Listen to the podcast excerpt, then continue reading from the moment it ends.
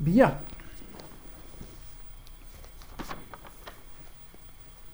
Donc la Nyashingyo. Ben, je vous ai euh, donné donc. euh, Est-ce qu'il y a encore un exemplaire pour moi Ouais. Je vous ai photocopié quatre traductions différentes. Enfin, différentes. C'est c'est vraiment dans des petits détails qu'elles sont différentes.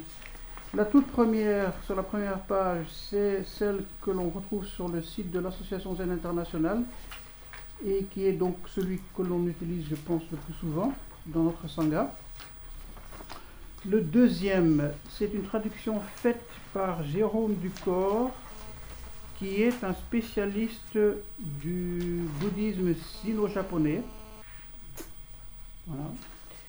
Euh, la troisième, c'est la traduction que j'ai retrouvée sur le site de Éric Romulière, qui est un ancien disciple de Maître Dishimaru, mais qui a quitté finalement l'Azeti, mais qui est quelqu'un que j'ai déjà rencontré d'ailleurs, de très, très valable. Euh, mais il a plutôt une tendance à être zen européen, et donc un peu. mais par contre, euh, euh, il, il a sur son site beaucoup de textes et de commentaires qui sont vraiment très intéressants.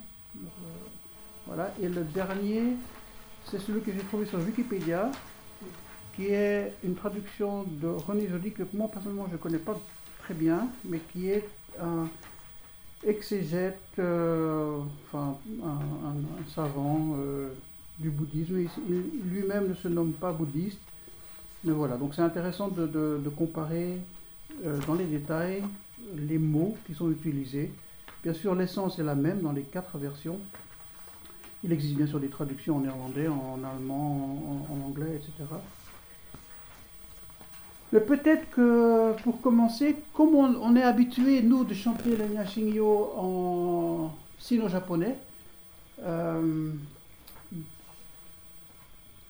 on, le fait un peu par habitude, je crois, mais on pourrait très bien le réciter en français. Il n'y a aucune. euh, D'ailleurs, je, sais que Roland, à Nice, a commencé à le faire déjà depuis tout un temps, une fois en sino-japonais, une fois en français. Et ce serait peut-être une bonne pratique de, de commencer à le réciter dans notre langue à nous. Euh, L'avantage du sino-japonais, c'est que c'est le texte de base, universel, qu'on retrouve partout. Si vous allez euh, pratiquer Zazen une fois en Allemagne, en Hollande ou, en Espagne, eh vous, allez pouvoir chanter ensemble avec les gens, ou même si vous allez au Japon. Euh, un autre avantage que moi je trouve, c'est qu'il y a quand même, euh, c'est un langage bien spécifique qui a été écrit il y a quelques 2000 ans en arrière. Et euh, il y a une certaine poésie, une certaine sonorité qu'il y a dans ce texte, com- com- comme on le récite nous, qui est quand même très fort, qui est quand même quelque chose qui, qui va vraiment... euh, voilà. Si on le récite dans, dans notre langue, en français, comme on va le faire maintenant, la- l'avantage c'est qu'on on est en ce moment-là beaucoup plus près du sens du texte, mais on perd un peu le côté voilà, un peu intuitif, un peu. euh, Mais au moins, ce que je remarque, c'est que des gens pratiquent parfois pendant 15 ans, mais finalement ne savent pas ce qu'il y a dans la Nyashingyo. Ça, C'est un peu. Parce que c'est quand même important d'étudier les, sutras. C'est, quand même une des, pratiques importantes du- des moines. Enfin, il ne faut pas nécessairement être moine ou nonne pour ça. Mais euh, le zazen est bien sûr très important, le samu, la vie quotidienne en communauté avec la sangha. Mais étudier est également euh, un aspect fondamental de la pratique. Et Roland nous a souvent euh, rappelé à chaque camp d'été, etc. Lui-même fait beaucoup de teisho. Il trouve important qu'on qu'on approfondisse euh, l'enseignement du Bouddha par la voie intellectuelle. C'est aussi quelque chose qu'il faut pas, qu'il ne faut pas euh, oublier. C'est pour ça que moi j'ai choisi, quand tu m'avais demandé de faire un teisho ici, de, de parce qu'on le récite beaucoup, mais au fond, on n'est pas vraiment dans le cœur de la chose, alors que c'est justement le sutra du cœur. Et euh, on n'est pas suffisamment, même si on l'a lu en français, on n'est pas suffisamment dans OK, il faut maintenant le pratiquer dans la vie. Parce qu'au au final, c'est ça qui est important. Alors, ce que je, vous invite maintenant à, On va les réciter ensemble dans la version euh, de la première page. Comme ça, on, l'a vraiment en mémoire pour, pour débuter. Donc, Maka Hanya Haramita Shingyo, essence du sutra de la grande sagesse qui permet d'aller au-delà. Tous ensemble. Le Bodhisattva de la grande compassion, Avalokitesvara, par sa pratique profonde de la grande sagesse, voit que les cinq Agitra ne sont que vacuité, et par cette compréhension, il soulage toutes les souffrances.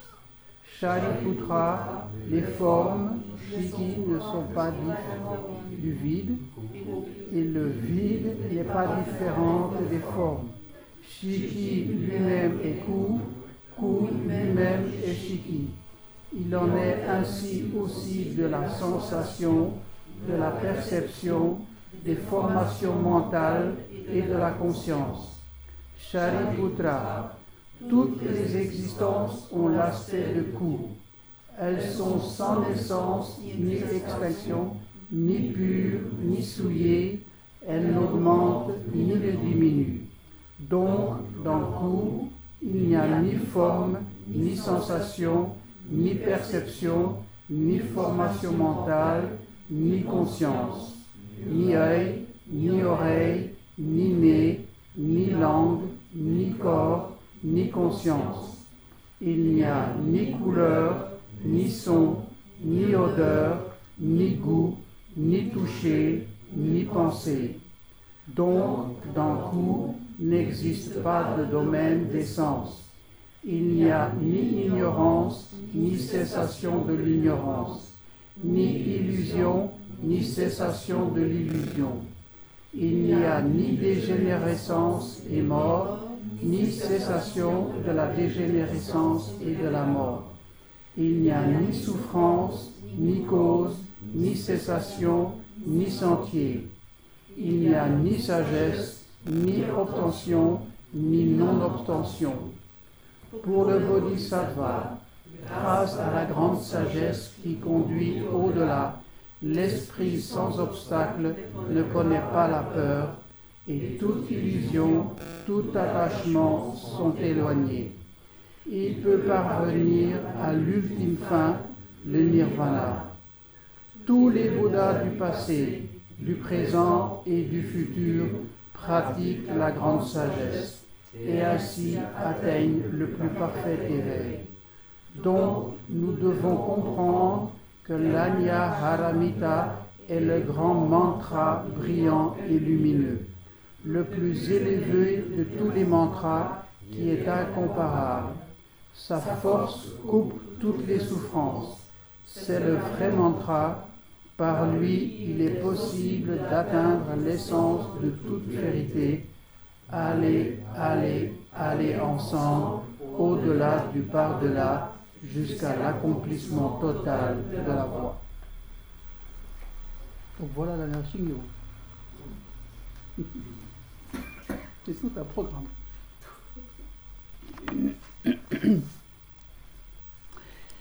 D'abord, quelques mots euh, au niveau,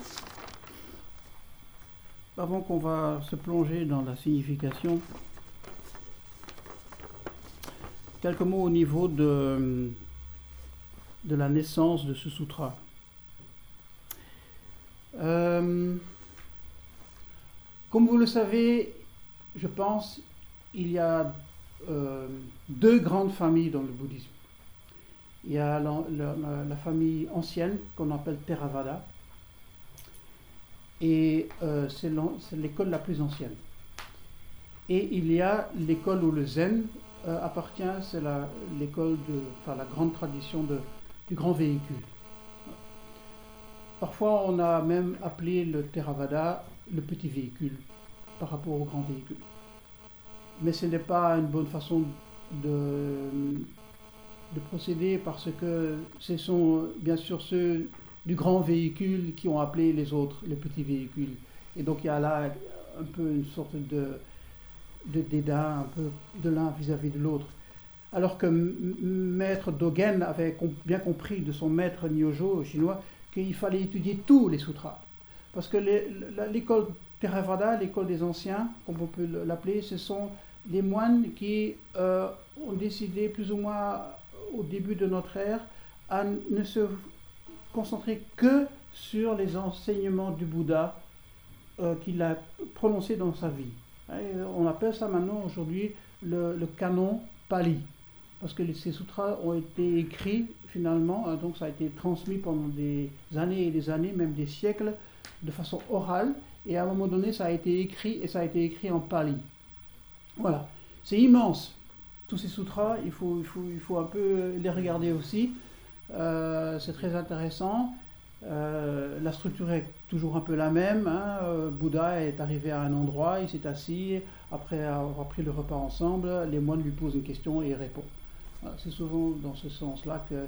Et ce sont des sutras qui sont très terre à terre. Il répondait à des questions vraiment très spécifiques à sa communauté dans un contexte bien spécifique de 500 ans avant Jésus-Christ, en Inde. Mais c'est grand, c'est vraiment immense. Il existe une traduction en français, je ne suis pas sûr qu'elle soit vraiment complète. En anglais, on peut tout trouver, d'ailleurs ça peut être retrouvé sur euh, Internet, ce qui est vraiment magnifique. Et en néerlandais, une grande, grande, grande partie a déjà été traduite aussi. Voilà. Mais comme dans beaucoup de traditions spirituelles, euh, ça ne s'est pas arrêté avec la mort de Bouddha, ça ne s'est pas arrêté avec euh, les, moines qui, lui ont succédé. D'autres maîtres sont apparus, d'autres pratiquants, et ont continué à approfondir l'enseignement de Bouddha. Et au début de notre ère, entre le, le deuxième siècle, on va dire, jusqu'au sixième siècle, est apparu, surtout en Chine, euh, mais cela avait déjà débuté en Inde, euh, ce mouvement du grand véhicule qui par rapport au petit véhicule, par, rapport au Theravada, on pourrait dire les Theravada ont l'idéal de sortir de la souffrance, de sortir du samsara, du cycle des renaissances, de se libérer. C'est ça le but des, moines et des pratiquants Theravada. Au fur et à mesure des siècles, cet idéal a changé. Et dans le grand véhicule, c'est devenu l'idéal du bodhisattva. C'est l'idéal de la personne qui euh, postpone, je vais dire, son propre éveil pour aider les autres d'abord. Et ensemble, hein, c'est un peu la dernière phrase de euh, ce mantra qui termine, qui clôture le, le, c'est ensemble, on va ensemble au-delà, hein, sur l'autre rive. Donc c'est l'idéal du bodhisattva que l'on connaît bien, hein, nous dans le zen, c'est vraiment une, grande, enfin, une base importante.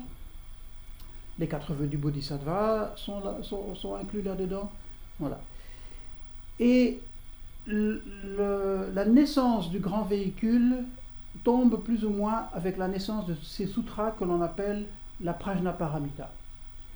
Donc c'est un corpus de textes immense aussi. Il y a des versions 8000 vers, versets, il y en a en 12 000, et il y en a même pareil une version en 100 000 versets. C'est quelque chose d'immense.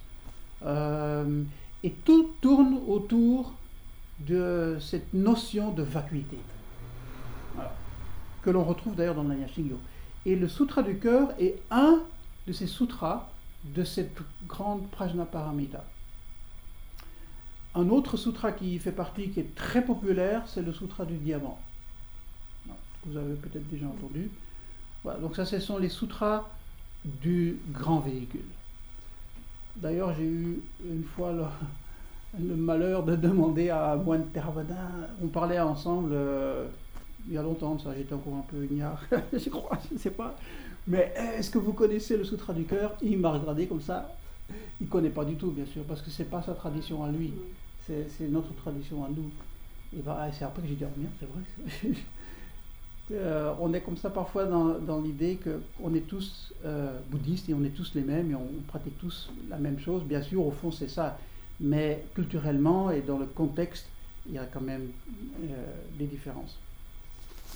Voilà, alors ça a été d'abord écrit en sanskrit, par contre. Hein. toute la Prajnaparamita a été écrite en sanskrit, ça a commencé en Inde. Et très vite, enfin relativement vite, ça a été traduit en chinois. il y a eu ce fameux moine Xuanzang euh, du, au 7e siècle qui a fait. Cette, cette histoire est vraiment incroyable. C'est un moine chinois qui voulait approfondir sa connaissance du bouddhisme en faisant un voyage en Inde. C'est un voyage qu'il a commencé et qui a duré 27 ans. On ne peut pas s'imaginer ce que c'est. Et il a fait, euh, c'est très bien documenté, on, retrouve d'ailleurs les cartes de tout le chemin qu'il a fait. Il a été à Nalanda, donc c'était à l'époque euh, le, grand centre universitaire bouddhiste. Euh, enfin, c'était pas seulement bouddhiste d'ailleurs, c'était vraiment un truc interreligieux, ça c'était quelque chose d'assez exceptionnel. Et il est revenu 27 ans après en Chine en amenant beaucoup de textes, entre autres ces textes inscrits de, de la Prajnaparamita. Et c'est lui qui a traduit euh, le, le Shingyo. C'est d'ailleurs lui qui a appelé ça le Sutra du cœur. Voilà. Et donc, notre version, c'est celle, c'est la, la, la, traduction de Xuanzang. Voilà. Que dire de plus? Ah oui. Avant qu'on attaque ce fameux terme de la vacuité, euh, ce qui est bien de savoir, c'est qu'il y a deux personnages dans ce sutra. C'est le bodhisattva de la grande compassion. Ici, dans, une des traductions, dans une autre, c'est marqué lorsque le bodhisattva Avalokiteshvara, le bodhisattva maître en contemplation. Vous le connaissez, hein? Et ici, dans le dernier, c'est le noble bodhisattva Avalokiteshvara. Vous le connaissez, c'est le bodhisattva qu'on appelle chez nous souvent Kanon, Kanzeon.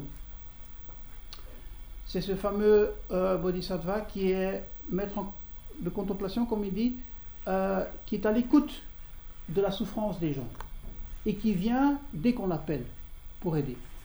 Vous connaissez certainement les figurines, les images de de, ce bodhisattva, c'est lui ou elle, hein, surtout en Chine, et, euh, ce bodhisattva a été représenté, sous une forme plutôt féminine, euh, où il y a euh, mille bras autour, avec dans chaque main un objet pour venir en aide. C'est une des représentations très connues. Donc en sanskrit, ce bodhisattva s'appelle Avalokiteshvara, en chinois c'est Guanyin, et en japonais c'est Kanon ou Kanzeon dépend de la prononciation. Voilà. Et euh, c'est un bodhisattva qu'on vénère beaucoup dans le zen. Euh, c'est par exemple lui ou elle, hein, bon, euh, que l'on invoque quand on fait une cérémonie de Kito, par exemple. D'ailleurs, c'est aussi le Nyashingyo qu'on récite pendant le Kito. Vous connaissez cette cérémonie de Kito dont nous croyons fort que les mérites de la récitation peuvent être transférés à quelqu'un en grande souffrance. Et en ce moment-là, quand on fait l'écho de, du Quito, ben on, l'invoque véritablement. On, hein, c'est dit, euh, vient en aide à paf, paf, paf, et on donne les noms des, gens à qui. Euh, parce que l'on croit très fort que, que ce sutra aide. D'ailleurs, quand vous allez lire les commentaires de Maître Deshimaru, euh, vous allez très bien comprendre qu'en Orient, euh, c'est un sutra qui est extrêmement populaire. Et les laïcs, les gens, le récitent parfois pour chasser les mauvais esprits. Hein. Euh, j'ai entendu ça d'une personne vietnamienne qui un jour avait eu le, texte sous les yeux et qui dit Tiens, vous récitez ça, vous les, gens du Zen ah oui, on récite ça. Après ça, zen. Ah, chez nous, c'est quelque chose au Vietnam qu'on récite pour chasser les esprits, les mauvais esprits. Parce que quelque part, il y a un côté magique, entre guillemets, c'est un peu mauvais de le dire, mais en tout cas, la présence du mantra final, Hara, Bodhi, Sovaka, on fait que c'est pas vraiment un sutra classique, un sutra c'est un enseignement, mais que c'est tout l'Anyashingyo est un mantra, une formule magique. C'est comme ça qu'en euh, Orient, c'est très fort perçu. Bien sûr, pour nous, il y a tout un enseignement derrière. Ce n'est pas seulement des formules magiques. C'est vraiment tout un truc qu'on peut étudier et qu'on va faire. Mais euh, donc voilà, donc le personnage qui donne l'enseignement, c'est Canon. Et c'est important de bien comprendre Canon qui représente, qui symbolise la compassion, le venir en aide, enseigne la sagesse.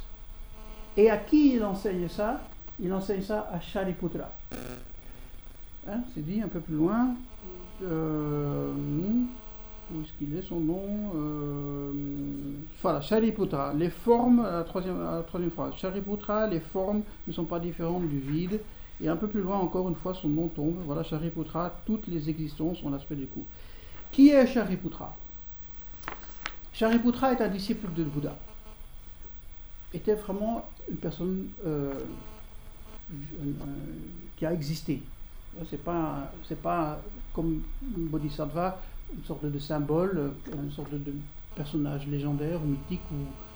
Mais c'est vraiment, Shariputra était, euh, était connu du temps du Bouddha comme étant celui qui avait le plus de sagesse. Et quand on lit les textes tout à fait par hasard, en fait, euh, à Halle, je suis en train de faire les commentaires de, l'octuple sentier, je me suis dit, je vais aller rechercher ça dans les sutras Pali. Et qui parle dans le Sutra Pali de l'octuple sentier des quatre nobles vérités? C'est Shariputra. Ça, ça, m'avait vraiment euh, étonné. Bouddha dit voilà, Shariputra, maintenant tu parleras aux disciples des quatre nobles vérités. Et le Bouddha se retirait. C'est Shariputra qui donne l'enseignement des quatre vérités et de l'octuple sentier. Donc c'était quelqu'un qui était vraiment en bonne, euh, bien placé, qui était proche du Bouddha, qui avait une énorme sagesse et qui était connu pour ça. Et dans ce sutra, la mise en scène, c'est Kanon qui enseigne à Shariputra. Donc on est vraiment là à, un autre, euh, comment dirais-je, il y a, vraiment quelque chose qui bascule. Et, je pense que c'est en, effet en rapport avec l'école Theravada et, l'immense tradition du, grand véhicule, où le point de vue change. Là où c'est plutôt dans le Theravada la sagesse qui amène à, l'éveil, à la libération, à sortir du samsara. Dans le Mahayana, c'est l'idéal du bodhisattva qui a compris l'essence des choses et qui ne s'occupe plus du tout de son éveil. À la limite, ils sont contre-fous, excusez-moi de l'expression, mais c'est pas ça le but. C'est pas l'éveil, c'est le, rayonnement, la mise en œuvre de la compassion pour tous les êtres, pour tout l'univers. Et c'est, je pense, c'est ce basculement de l'un vers l'autre qui est ici symbolisé par le fait que c'est Canon qui donne l'enseignement à ce fameux disciple Shariputra. Voilà. Donc on pourrait peut-être même dire que Shariputra symbolise ici l'ancienne école qui reçoit l'enseignement de la nouvelle école, de la nouvelle tradition.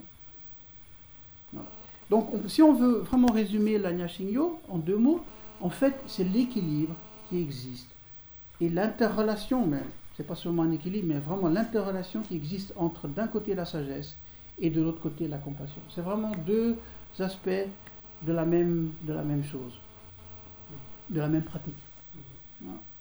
L'un ne va pas sans l'autre. Trop de sagesse amène, Roland l'a souvent dit, à quelque chose de, sec, de, désertique. Enfin, il y a un grand risque. Euh, être trop dans la compassion peut amener à des situations complètement naïves où on se perd, où on perd l'énergie. Il faut les deux. Il faut, pour pouvoir être compatissant envers, envers les autres, il faut développer beaucoup, beaucoup de sagesse. Mais la sagesse en elle-même, c'est pas intéressant. C'est, pas, si c'était ça le but, ben ça serait un peu pauvre. Hein, voilà, c'est le, c'est les deux. C'est vraiment notre rapport au monde. C'est ce que je disais tout à l'heure dans le Kusen. Euh, je disais deux choses en fait dans le Kusel. D'un côté, et ça on va maintenant commencer à l'étudier, on peut percevoir le monde avec notre, nos sens, notre, façon de voir les choses très superficiellement. Il n'y a pas un problème. On voit les choses et on, Par exemple, la Terre est plate. Bah oui, bien sûr. Personne n'a vu la Terre ronde. Il a, il a fallu attendre beaucoup, beaucoup de temps avant que finalement, on ait pu avoir une preuve que la Terre est ronde, avec une photo qui a été prise de l'espace. Maintenant, on vit avec cette idée, bien sûr, c'est devenu, on a assimilé ça. Mais si on, se base que sur ce que l'on voit, ce que l'on entend, ce que l'on peut toucher, ce qu'on peut goûter, etc., et sur notre conscience, bah oui, la Terre est plate. Et puis le Soleil, il tourne autour de la Terre, c'est ce qu'on voit. Mais bon, on sait maintenant mieux. Et, d'ailleurs, les premiers scientifiques, euh, ou peut-être même des saints, je ne sais pas comment les aider, euh, Galilée, Ptolémée, je crois qu'il s'appelait, qui disaient le contraire, bah, ils ont risqué vraiment leur vie de ça, en disant que, la terre, que le Soleil tourne et que, autour de la Terre et que la Terre n'est qu'une infime euh, petite poussière dans le. Voilà. Donc c'est ça. C'est, et l'étude, de la Shingyo amène cette sagesse, amène à passer au-delà de notre façon conventionnelle de voir les choses. C'est un peu comme avoir la vision juste? Oui, oui. Mais la vision juste existait déjà du temps du Bouddha. hein. Hein, c'est, un des aspects de l'octuple sentier, voir les choses de façon juste. Mais euh, ici, on, peut, le dire en effet que c'est voir les choses de façon juste, mais c'est même aller au-delà de ça. Et puis en tirer toutes les conséquences. Pas seulement voir les choses justes, mais aussi en tirer toutes les conséquences de ça. Parce qu'on peut étudier le, la Nyashingo, on peut étudier tous les sutras, si on si prend pas, si on ne tire pas toutes les, les- conséquences de ce qui a été enseigné, bah, ça, reste aussi de nouveau un, exercice un peu intellectuel, un peu philosophique, qui, qui- est un peu, un peu limité. Il faut pratiquer le. Il ne faut pas seulement le réciter, il faut le pratiquer.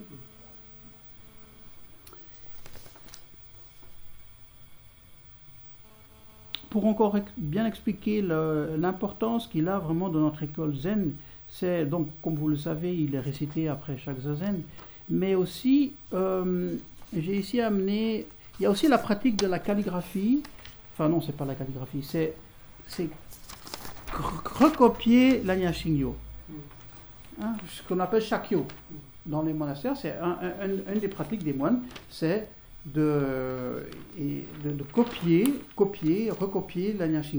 Voilà. Et j'ai amené ici euh, une feuille que j'avais euh, trouvée au Japon, où il y a donc tous les caractères. hein, vous avez les- Il y en a 262, il y a 262 kanji. Donc c'est super super court hein, quand on compare avec l'immensité de, tous les euh, enseignements qui sont dans la Prajnaparamita, hein, la version 100 000 versets. Voilà, ici c'est 262, c'est clair, c'est- vraiment le résumé, c'est vraiment le cœur. Voilà, alors ici on à tous les kanji, donc il faut vraiment lire ça de droite à gauche et de haut en bas. A, donc il y a le titre, Il y a quelques caractères que moi j'arrive à, à- à- à lire. Et donc, avec, une, avec ce qu'ils font, les moines, c'est ils prennent un pinceau et ils copient. Voilà. Et on apprend à faire ça comme ça. Euh, je ne sais pas si vous avez eu l'occasion de voir le film, il y a un documentaire sur YouTube sur, euh, je crois que ça s'appelle Une vie de moine. Euh, c'est un documentaire sur l'abbé de Heiheiji qui a 100, euh, quand ça a été filmé, il avait 104 ans. Ben, on le voit faire cette pratique. Euh, une fois le matin, une fois l'après-midi, toute sa vie, il a copié la Nyashingo. Et les, et les moines montraient euh, à la bibliothèque de, de ces papiers, c'est plein de boîtes, il y a, je sais pas moi, il y a 80 000 exemplaires. C'est incroyable, c'est vraiment très touchant. Lui, qui d'ailleurs on le voit, il rayonne toute la, c'est- c'est c'est canon vraiment euh, réalisé, euh, ah ben quand même, à son âge, à 180, voilà. Pourquoi ne le ferons-nous pas, nous? On peut très bien faire cet exercice, euh, pas en kanji, on peut le faire en kanji bien sûr, mais on peut commencer à le faire en français et se, et, dire, voilà, je prends une feuille de papier, je m'installe, je, je purifie le tout, je brûle un encens, et je fais en, une belle écriture, je recopie tous les Nyashingyo. Ça prend une demi-heure à peine. Pourquoi est-ce qu'on ne le ferait pas? Voilà, c'est une invitation à, découvrir quelque chose que c'est pas Roland qui nous l'a, qui mais c'est quelque chose que moi j'ai appris là-bas et qui me, touchait. Et euh, à la limite, je, je devrais le faire plus que ce que je, voilà, que ce que je peux le faire. Mais euh, voilà, c'est pour vous dire toute l'importance qu'il a. Bien. Il faut qu'on avance. Et le texte recopié est offert? Non. Non. on, le garde. on le garde. Euh, sur le site de la Sotoshu, il y a un petit manuel, comment faire, avec des photos. Mm. Une fois aller voir. Shakyo, tu, tu, tu tapes Shakyo, Sotozen, et puis voilà, il montre avec des photos comment faire, et puis c'est en anglais, je crois, le texte qui est, qui est Mm. retranscrit. Oui, je le fais, euh, mais je le recopie en, en, en mettant euh, calque. Oui, oui, oui, oui, tu peux aussi faire ça, oui.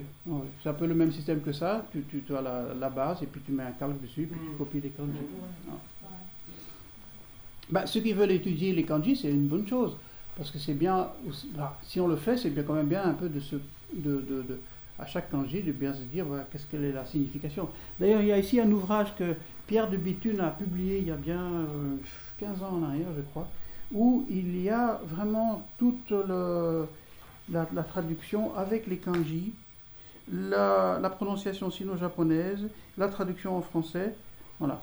Euh, c'est un petit Pierre de Béthune, c'est, un, père euh, euh, bénédictin qui habite euh, au monastère de pas loin de Wavre, j'ai oublié le nom. Et euh, Claire Claire, Clairvaux, Claire, Clairvaux. Clairvaux, Clairvaux, il me semble, oui, voilà. Et euh, c'est plutôt Zen Rinzai, lui. Euh, mais voilà, dans le Zen Rinzai aussi, c'est connu, ce texte. hein, c'est pas... Voilà, donc on peut toujours se le, se le procurer chez lui. Voilà, si vous voulez. vous pouvez. Il y a aussi une version tibétaine, il y a une version chinoise, il y a, enfin, il y a, il y plusieurs versions. Et- Oui, Mais c'est quelle langue? C'est du sino-japonais. Donc euh, voilà, japonais, c'est, ou- non, c'est sino-japonais. Ça veut dire que les Japonais ont, parce que le chinois, c'est une langue qui est étrangère à eux. hein. Dans tous les contacts qu'il y a eu entre le Japon et, les Chi- et- et- et la Chine, euh, il y a très très longtemps en arrière, ils ont copié de façon phonétique ce qu'ils comprenaient des Chinois. Et c'est devenu ce fameux sino-japonais. C'est ça, par exemple. Donc c'est pas du chinois pur, c'est pas du japonais, parce que euh, c'est aussi traduit en japonais, et c'est complètement différent de ce que l'on récite. C'est du ce qu'on appelle du sino-japonais. Donc c'est la retranscription phonétique euh, que les japonais ont fait de ce qu'ils comprenaient en chinois. C'est ça le. C'est possible qu'il y ait des erreurs alors. Non. Non, au niveau du sens, il n'y a pas d'erreur. Parce que quand on, re- quand on va aller vraiment voir les, le, le- le texte en chinois ou le même le texte euh, original en sanskrit, Mm. euh, c'est le même sens qui sort. C'est pas qu'il y a eu des erreurs et des. C'est un- ça c'est intéressant justement cette question parce que euh, on- peut parfois se dire en effet cette tradition orale Mm. hein, des, des, des- des sutras pali, est-ce qu'on peut vraiment être sûr, parce que ça a été finalement écrit des centaines d'années après la mort de, de- de Bouddha, est-ce qu'on peut vraiment se fier à ce que c'est vraiment historique, est-ce que c'est vraiment... Mais le fait que les gens qui le récitaient étaient des pratiquants me fait vraiment penser qu'il y a vraiment quelque chose de, de très juste là derrière. Parce que ce qu'ils disaient, ils le comprenaient. Et, et la même chose après, quand, ça, quand c'est passé en Chine, c'est la même chose. Les Chinois, euh, les pratiquants, les moines, étaient des, des- des éveillés, je veux dire, hein, et, euh, et, et- et traduisaient en chinois ce qu'ils avaient compris en sanskrit, mais c'était juste, c'est quelque chose de correct. Les mots vivants. quoi. Oui, oui, oui, voilà, c'est ça. quoi, Voilà, oui, oui, oui. Par contre, en effet, on peut avoir, par exemple, euh, ça, ça, ça arrive partout, quand on commence à transcrire des choses, on peut en effet se tromper, un mot, une virgule, hein, ça s'est vu beaucoup avec la Bible, etc. Mais peut-être parce que les gens ne comprenaient pas toujours très bien ce qu'ils écrivaient. Tandis qu'ici, surtout ce sutra-là, qui est très court, euh, ils étaient complètement imprégnés de, de- de la sagesse de ce sutra. Et, Ils savaient le recopier par cœur. hein, ouais, c'est ça. ok. Venons-en maintenant à ce fameux terme qui fait beaucoup peur. C'est ce que je remarque, ce fameux terme de la vacuité. Euh, parce que finalement, comme vous l'avez bien vu, tout tourne autour de ça. En fait, il faut... Donc d'abord, un, la vacuité, ça ne veut pas dire vide. Au sens où on entend souvent en Occident, il n'y a rien. Par exemple, euh, on a très longtemps cru que euh, si on, quittait la, la planète Terre, qu'on allait s'élever dans l'espace, et bon, on savait qu'il y avait de l'air, puis après cette couche d'air, il n'y a plus rien, ben c'est ça le vide, hein, euh, qui fait peur. Pascal parle de ça, hein, le philosophe français. Ce, vide, ce- ce- cette infinité insondable me fait peur ou, me- par des effrois, de, voilà, quelque chose comme ça. C'est pas de ça qu'il s'agit. En plus, maintenant, euh, les scientifiques ont bien compris que l'espace n'est pas vide non plus. Que c'est en fait c'est plein de matière et donc que c'est ah, plein comme un œuf. Ah, sauf qu'on ne le voit pas. Et donc de, nouveau, c'est ça qui est intéressant. Qu'est-ce qu'on voit et est-ce que, ce- est-ce que ce que l'on voit avec nos sens ou même avec des appareils high-tech, euh, des microscopes électroniques, des machins choses, etc., le Space Hubble qui regarde l'espace, qu'est-ce qu'on voit finalement? C'est vraiment de ça qu'il s'agit. Et ne pas se laisser berner par les premières impressions ou les premiers calculs qu'on sort de la machine. Il faut vraiment aller au-delà de ça et puis de bien et de comprendre les choses. Donc vacuité, ça ne veut pas dire vide. Parce que ça, en effet, ça fait peur. hein. Donc c'est pas du tout de ça qu'il s'agit. Quand on parle de vacuité, ça veut dire ce n'est ça c'est- vide de quelque chose, vide d'une substance fixe, vide de, concepts bien délimités. Donc c'est absence de tout ça. C'est absence de notre façon classique, conventionnelle de voir les choses. Et notre fa- façon classique, conventionnelle de voir les choses, c'est en effet, par exemple, que les choses n'évoluent pas, ou très peu, ou, quasiment pas, ou on, espère qu'elles n'évoluent pas. On, espère que, que, que- c'est un souhait même, euh, que ce que l'on est, ce que les choses sont, vont rester comme ça tout le temps. Donc on, les chosifie, on, fait de quelque chose qui perd continuellement. La pratique du zazen nous aide à percevoir tout d'un coup, en effet, ce changement continuel qui existe. Euh, voilà, en ce moment-là, on parle de vacuité. Ce n'est plus quelque chose qu'on peut saisir, que l'on peut prendre, qu'on peut délimiter. Notre ego, notre façon de, percevoir les choses, aimerait faire avoir ça, aimerait que la réalité soit saisissable, qu'on peut la délimiter, qu'on peut mettre une étiquette dessus, et voilà, et que ça va pas, ça va plus changer du tout. Ça, c'est la façon conventionnelle de voir les choses. Mais il y a une autre façon de voir les choses, et c'est la façon dont Zazen nous apprend à voir les choses.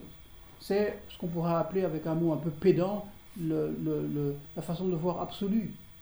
C'est simplement la façon de voir éveillée, c'est la façon que Canon voit les choses, et il perçoit en effet la vacuité. Donc, il n'y a rien de très effrayant dans ce terme. Il y a simplement. On peut aborder la vacuité par trois voies différentes. Il y a cette première voie, comme je viens de l'expliquer, on ne peut pas mettre la main sur le, par exemple, des scientifiques. hein, ici, le sol. C'est solide, bien sûr, c'est solide. Mais quand on commence un peu à voir euh, les choses un peu plus profondément, on remarque que ce sol, que c'est une sorte de bois ou de plastique, je ne sais pas très bien quoi, c'est constitué de, les Grecs, ils appelaient ça des molécules. Hein, les molécules, c'était la, la- les, les, les, atomes. les- les atomes. Oui, là, oui, les atomes. oui. Donc il y a d'abord les molécules. Les, les- les molécules sont constituées d'atomes. Et les atomes, pour les Grecs, c'était de nouveau la même chose, cette façon conventionnelle de voir les choses, la, plus- la plus petite particule qui existe. Après ça, il n'y a plus rien. Et c'est, ça ne bouge pas. C'est comme ça et c'est éternel. C'est comme ça que euh, dans l'ancien, temps, euh, les Grecs anciens, on, on considérait les choses. Mais on considère ces choses encore maintenant, nous. On voit, ces, choses comme ça. Alors que depuis maintenant au moins 150 ans, les scientifiques ont bien vu qu'à l'intérieur des atomes, il y a d'autres particules. Et que finalement, c'est plus de particules qu'il s'agit, de, de petites, de petites boules, je vais dire, mais vraiment de rayonnement, d'énergie qui, qui s'interpénèrent. Voilà. Donc, ça, c'est valable pour tout. Pour nous, pour tout ce qui nous entoure, pour les objets. Voilà. Euh, notre corps, hein, on, va, regarder à soi-même, 65% de ce que nous sommes, c'est de l'eau pure. 65%, 45 litres. J'ai été chercher. Voilà. Pas mal quoi. La prochaine prochaine fois que vous montez un escalier, sachez que vous êtes en train de trimballer 45 litres d'eau. Voilà. Les 35 autres pourcents, c'est de la matière solide, plus ou moins solide, dont on peut faire, hein, qui constitue nos organes, nos os, etc., etc., euh, mais dont on peut faire la même analyse que l'analyse du sol que je viens de faire où on peut aller voir mais de quoi est constitué maintenant cet organe, quels sont les molécules, quels sont les atomes, et puis pop, on trouve que c'est du carbone en plus, c'est la même partout, sauf que la forme est un peu différente.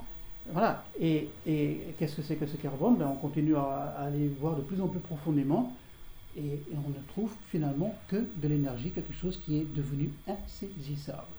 Donc, nous-mêmes, notre corps, est insaisissable. On ne peut pas mettre la main dessus. Ça, c'est une façon d'aborder la vacuité. C'est pour ça qu'en ce moment, on dit, comme c'est insaisissable, c'est vide de quelque chose de substantiel, de quelque chose qu'on peut attraper. Ça, c'est une chose. Deuxième approche de la vacuité, que l'on comprend très relativement vite quand on pratique le zazen, c'est l'interdépendance qui est un, des, grands thèmes de l'enseignement du Bouddha. Tout est en relation avec tout. Euh, ce que le moi, ce que notre moi profond aime savoir, enfin aime croire, c'est qu'on est quelque chose sur soi. Euh, une petite île, voilà. Mais c'est de nouveau voir les, choses à partir d'un regard conventionnel, un peu abruti, un peu ignare, un peu, un peu con, quoi. Parce que c'est pas comme ça la vie. La vie, c'est une constante interchange d'énergie. Le fait qu'on respire, déjà simplement ça. Si on ne respire plus, on est mort. Et, et l'air qu'on reçoit, c'est pas nous qui l'avons créé. C'est le cosmos, c'est là. La même chose pour les aliments, on, a besoin de s'alimenter trois fois par jour, deux, hein, parfois trois, il y en a qui font quatre, cinq même, euh, pour pouvoir avoir emmagasiné de l'énergie qui dans notre corps va être transformée euh, dans plein de choses, euh, qui fait que on peut se bouger, qu'on peut, voilà, qu'on peut fonctionner de façon normale. Et comme ça, on peut analyser plein de choses il y a un texte assez connu de, de, de qui est quand même pas mal, où euh, il dit dans la feuille blanche, il y a tout le cosmos. Hein, où il explique que cette feuille, ça a été faite par des arbres, enfin par la, les, cellules des arbres. Les, arbres, ben oui, ils ont eu besoin d'eau, ils ont eu besoin de terre, ils ont besoin du soleil. Voilà. Et quand on, quand on pousse vraiment, alors ce soleil, qu'est-ce que c'est, qu'est-ce que ça, l'eau, la terre, les, aliments, voilà. Donc c'est un, une perpétuelle interchange, euh, comment, euh, interrelation des choses avec tout. Et donc ça aussi, c'est une façon d'aborder la vacuité. Hein. Il n'y a rien n'existe en soi. Tout est toujours... Voilà. Et ça, le zazen nous l'apprend très vite. Je pense que c'est quelque chose que très vite on, perçoit qu'on n'est pas seul, qu'on doit vivre avec, euh, qu'on vit grâce à tout le, cosmos, tout l'univers même, et que euh, même au niveau interrelationnel, on peut même pas, euh, c'est quasiment impossible de vivre seul sur soi. voilà, ça je pense qu'on très vite on, le comprend. Ça c'est la deuxième approche de la vacuité. La troisième approche de la vacuité, c'est un peu plus compliqué, c'est cette, cette fameuse notion de temps et d'évolution, de changement. Parce qu'on voit bien sûr les choses changer. Quand une, une bougie brûle, bah oui, on la voit devenir de plus en plus petite. Mais on se dit toujours, c'est la bougie. Il y a quelque chose qui, qui, change, mais il y a quand même, hein, de nouveau, l'ego, notre façon de voir les choses conventionnelles, euh, fait qu'on croit qu'il y a quelque chose qui va d'un état à un autre état, et cet état voilà, etc. Et qu'il est comme ça en permutation continuelle. Mais il y a au fond quand même quelque chose qui fait ce voyage pas comme ça qu'il faut voir les choses. Maître Dogen a, écrit beaucoup de textes sur le, sur le changement, sur le mouvement, sur le temps, euh, qui, qui nie complètement cette façon de voir les choses.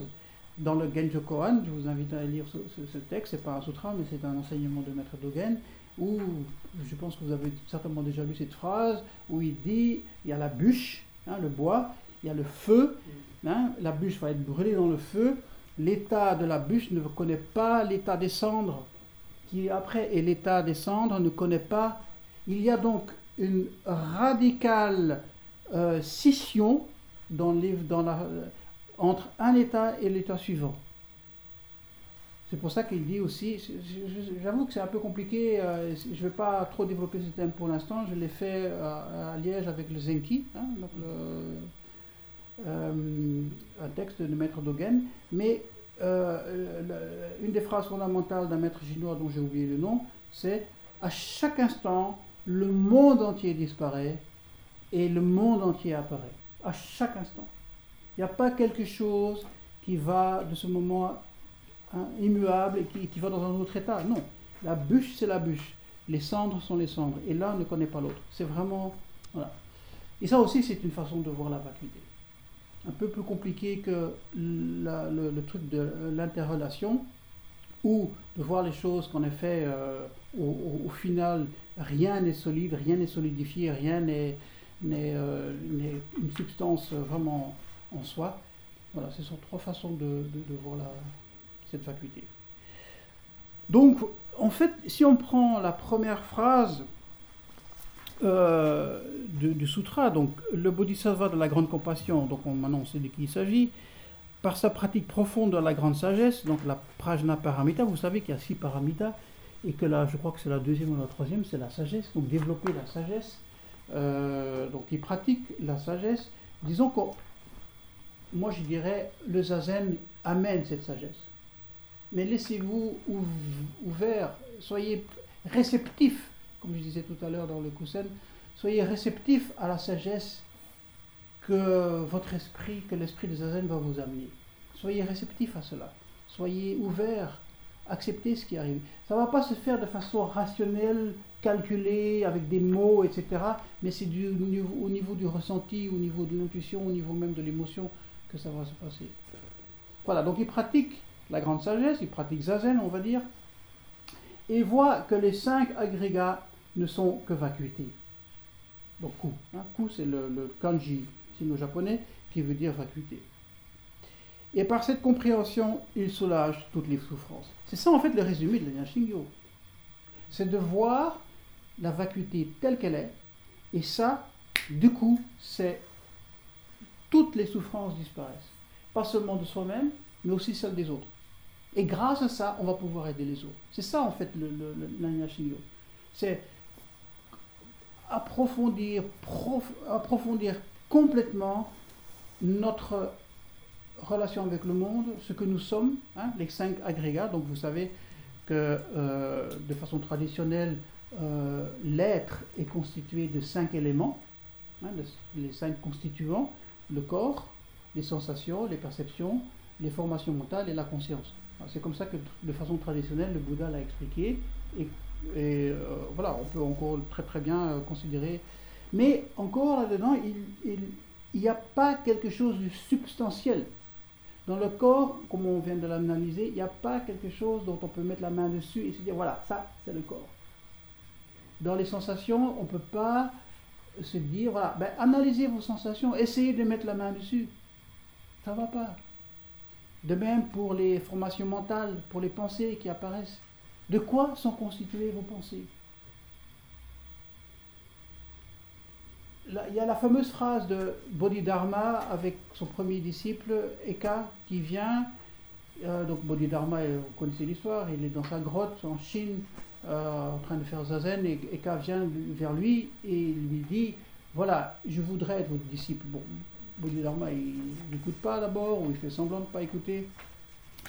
Et à un moment donné, il est, euh, Eka est tellement dans le désespoir qu'il se coupe le bras pour lui attirer l'attention.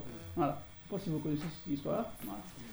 Bon, le sang gicle sur la, sur la neige, c'est quelque chose de terrible.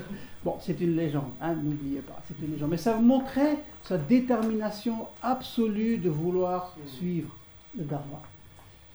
Alors du coup, Bodhidharma lui- le regarde Et euh, voilà, alors euh, Eka lui dit apaisez, s'il vous plaît, maître, apaisez mon esprit. Alors Bodhidharma lui dit ben, amène-moi ton esprit. Et en ce moment-là, je vais l'apaiser. Donc amène, amène-moi ton esprit sur, une, euh, sur un petit plateau, voilà, mets-le là-dessus. Essayez, essayez de faire ça une fois. Mettez votre, euh, vos pensées, votre esprit, votre conscience sur un plateau. Et alors, ce que Eka répond bien sûr, c'est bah, je ne peux pas. C'est pas possible, je ne peux pas le saisir, cet esprit. J'arrive pas à le mettre sur le plateau. Et Bodhidharma dit ben, en ce moment, votre esprit est apaisé. Et Eka, à l'éveil, bien sûr, comprend tout de suite et devient son premier disciple. Donc c'est de ça qu'il s'agit. hein. Donc en, résumé, parce que je crois qu'on va arrêter à- ici, euh, tout le reste on le verra euh, en janvier. Euh, c'est ça le, résumé. Doit toujours bien retenir quand vous allez un peu étudier, relire, parce que je vous invite vraiment à relire ce sutra régulièrement en, en français, pour vraiment être pénétré, c'est que euh, deux choses. D'un côté, il y a notre façon conventionnelle de voir les choses, qui est très limitée, qui est très bornée, mais qui parfois est, utile dans la vie quotidienne. On, peut fonctionner, il n'y a pas de problème. D'ailleurs, c'est même très étonnant qu'avec cette, vision très très limitée des choses, on a, réussi à envoyer des gens sur la Lune. Je veux dire, euh, il faut quand même le faire. Donc, c'est pas cette façon conventionnelle des choses, c'est pas que c'est mauvais, c'est pas que c'est euh, euh, voilà. Donc c'est comme ça. Mais il faut bien comprendre et la sagesse des Zazen nous amène à cette vision profonde, absolue. Enfin, absolue est peut-être un peu un mot pédant, mais voilà, Euh, une, vision autre des choses. Voilà. C'est donc il y a ces deux choses. Ça ne veut pas dire, pas plus loin dans le texte, il, il n'y a ni nez, ni bouche, ni ci, ni ça. Voilà, c'est comme s'il n'y avait plus rien du tout, mais c'est pas vrai. Le nez, la bouche, euh, la conscience, ça c'est la façon conventionnelle de voir. Mais si on voit les choses de façon profonde, on ne voit que la vacuité. Voilà, ça c'est une chose qu'il faut bien se retenir chaque fois, ou sinon on ne comprend rien de la. Ça c'est une chose. Et deuxième chose, euh, ben maintenant ça m'échappe. Euh, pour toujours bien mettre en tête, euh, quand on lit le texte, euh, ah oui, que la vacuité, ça n'a rien d'effrayant et que euh, c'est simplement l'absence de choses que l'on peut saisir. Voilà. Si vous retenez ça, c'est déjà beaucoup. C'est aussi bien au niveau des formes, au niveau du corps, au niveau de- de- des organes, etc., qu'au niveau des sensations, des perceptions, des formations mentales et de la conscience. Il n'y a rien qu'on peut vraiment saisir et mettre sur un plateau. Et dire voilà, ça c'est moi, ça c'est ma conscience, ça ce sont mes idées, c'est mes pensées, voilà, avec lesquelles on travaille. C'est peut-être beaucoup de choses déjà maintenant, je ne sais pas. Il y a peut-être des questions Laissez, euh, laissez euh, reposer tout ça en vous-même. Euh, sachez que c'est vraiment pas, euh, c'est pas de la philosophie. hein. On n'est pas ici pour faire de la philosophie euh, ou de la métaphysique ou des spéculations sur la- la- le sens ultime de, toute l'existence. C'est vraiment quelque chose de très concret, de très terre à terre, de, jour- de vraiment de notre pratique de tous les jours. Et c'est vraiment à partir des zazen qu'on peut, qu'on peut le comprendre. Oui. une question, on parle toujours de petits véhicules, grands véhicules. Moi j'ai appris euh, grand chariot, petit chariot. Oui, oui, bah oui. Euh, ça veut dire quoi en fait? L'idée derrière L'idée c'est que dans, soi-disant, le petit véhicule, on est seul à être transporté Hmm. sur l'autre rive. Oh. Tandis que dans le grand véhicule, ben, c'est l'autobus où on met le plus de monde, de monde possible pour traverser la rivière.